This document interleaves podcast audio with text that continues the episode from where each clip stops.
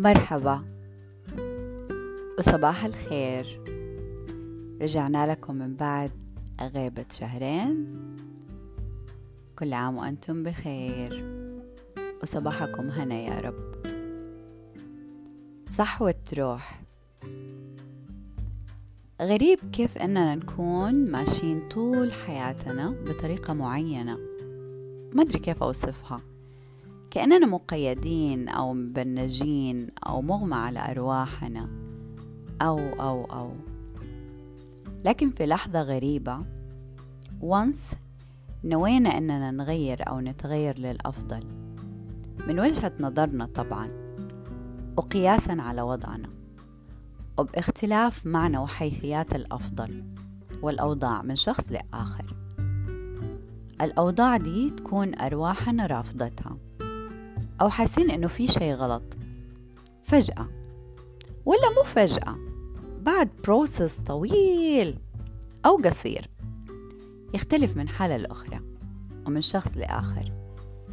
تلاقي إنه كل الأمور والتغييرات تجي ورا بعض بسرعة زي أحجار الدامينو لما تطيح واحدة ورا التانية وتحس فجأة إنه روحك حرة ونظرك صار أقوى. وحاسس براحة غريبة.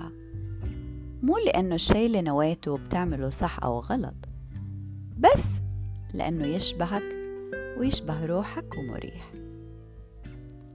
صحوة الروح إن صح التعبير حقيقي غريبة. تحس إنه تصير أو توصل لها بعد observations طويلة بينك وبين نفسك حياتك في مجتمعك. في علاقاتك في شغلك. وأحيانا تصير خلال فترات قصيرة. أحيانا بعد عمر وفترات طويلة. كلا حسب وعيه وتقبله وقراره بالتغيير. الزبدة أنك توصل لها ما لها علاقة لا بدين ولا مجتمع ولا عادات وتقاليد ولا تعاليم ولا شيء. أتوقع لها علاقة بمبدأك الخاص. وشيء أنت مؤمن فيه. بغض النظر عن صحته من عدمه للناس اللي من حولك. بس أنت تكون راضي فيه. راضي عن نفسك وراضي وتتحمل أي تبعات حتجي بعد كده. بدون خوف من اللحظة اللي أنت فيها أو الواقع أو الماضي أو اللي جاي بالمستقبل. تحس بلحظة رضا وقبول وتقبل وتسليم. شعور هيخليك تسجد شكر لله كل شوية. أنا للأمانة ما بحثت عن ده الموضوع وإيش اسمه وإيش البروسس تبعه لكن مريت بتجربة وده إحساسي لها. حنقول لكم تجربتي والبروسس اللي مريت فيه مثل ما صار. تبدأ بأن يكون عندك شعور وإحساس أنه في شيء غلط بحياتك أنت مو راضي عنه. لا ينطبق مع ما تؤمن به أو مع مبادئك الخاصة. تمشي بعض الأشياء والمواقف وترفض بعضها ولكن من الداخل في عدم رضا وتقبل وفي حزن أو حرب أو يأس. بعدها يبدأ إحساس إنه أبى أرفض الشي ده وشعور قوي بالحاجة للتغيير. بعدها تلاقي نفسك في نفس الدوامة. Again and again and again. بعدها ترجع وتقول لا كده ما ينفع. في شي جواتك كده فاضي ومو مزبوط. شعور بعدم راحة وعدم رضا. تبدأ تنوي التغيير. بعد ما حاولت عدة محاولات في المرحلة السابقة. أتوقع الناس تحصل معاهم مرة وناس مرات وناس يستمروا عمر وما يوصلوا لمرحلة النية. بعد مرحلة النية بالضبط تبدأ الأيام شوي شوي تتغير. بعض أيام تحس براحة وبعض أيام لأ. لكن تبدأ الأشياء تتغير ويكون في معيقات. المعيقات دي يا ترجعك لنفس الوضع يا تتغلب عليها. إذا تغلبت عليها ممتاز توصل أسرع. وإذا تغلبت عليك حترجعك لنفس الدوامة. إلى ما توصل لمرحلة وعي معين وتكون فاهم ومستوعب وتبدأ تتعامل مع المعيقات بوعي. لأن مع النية تبدأ الخيارات والاحتمالات والمعيقات والمغريات تظهر. طيب اتصدينا للمعيقات بوعي.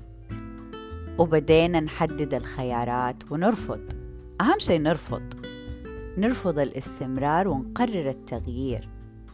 حتلاقي في لحظة في لحظة كل شيء طاح في المكان الصح.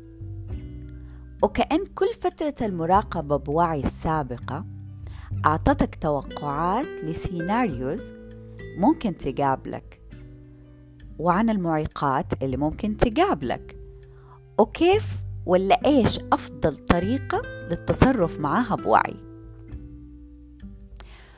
وتشعر في لحظة ودي اللحظة الحاسمة اللي لذتها وإحساسها رائعين. تكون عارف مبدئيا إيش اللي يريحك وإيش اللي تبغاه وكيف تبغاه وليه إيش الشيء اللي حتكون مرتاح وأنت بتعمله في حياتك علاقاتك شغلك إلى آخره. حتى لو العالم والدنيا ومنطقهم يقولوا ما ينفع أنت مؤمن فيه ومرتاح وتحس هي دي اللحظة اللي أنت تملك بالكامل روحك ونفسك حياتك قراراتها وخياراتها احتمالاتها وحريتها بالكامل برضا وتقبل. اللحظة دي تحس إنه روحك وعقلك ومشاعرك كلهم في نفس الصفحة ماشيين بخطوط متوازية جنب بعض. تحس إنه أي شيء عادي أي شيء يحصل بس ما أخسر نفسي. وهنا الأهم نفسي. ونحط تحتها ألف مليون خط. أي شيء ممكن أعمله ويحسسني إني بخسر نفسي هنا أحس نحتاج وقفة. ونبدأ نحط خياراتنا احتمالاتنا وعليها قراراتنا. ما أخسر نفسي مش بأنانية ولكن بما يتماشى مع نفسي بدون ما أضرها. أولا ثم من حولي. وده من وجهة نظري مبدأ الحرية. حرية روح حرية فكر حرية مشاعر حرية جسد. دمتم بود. نيبال.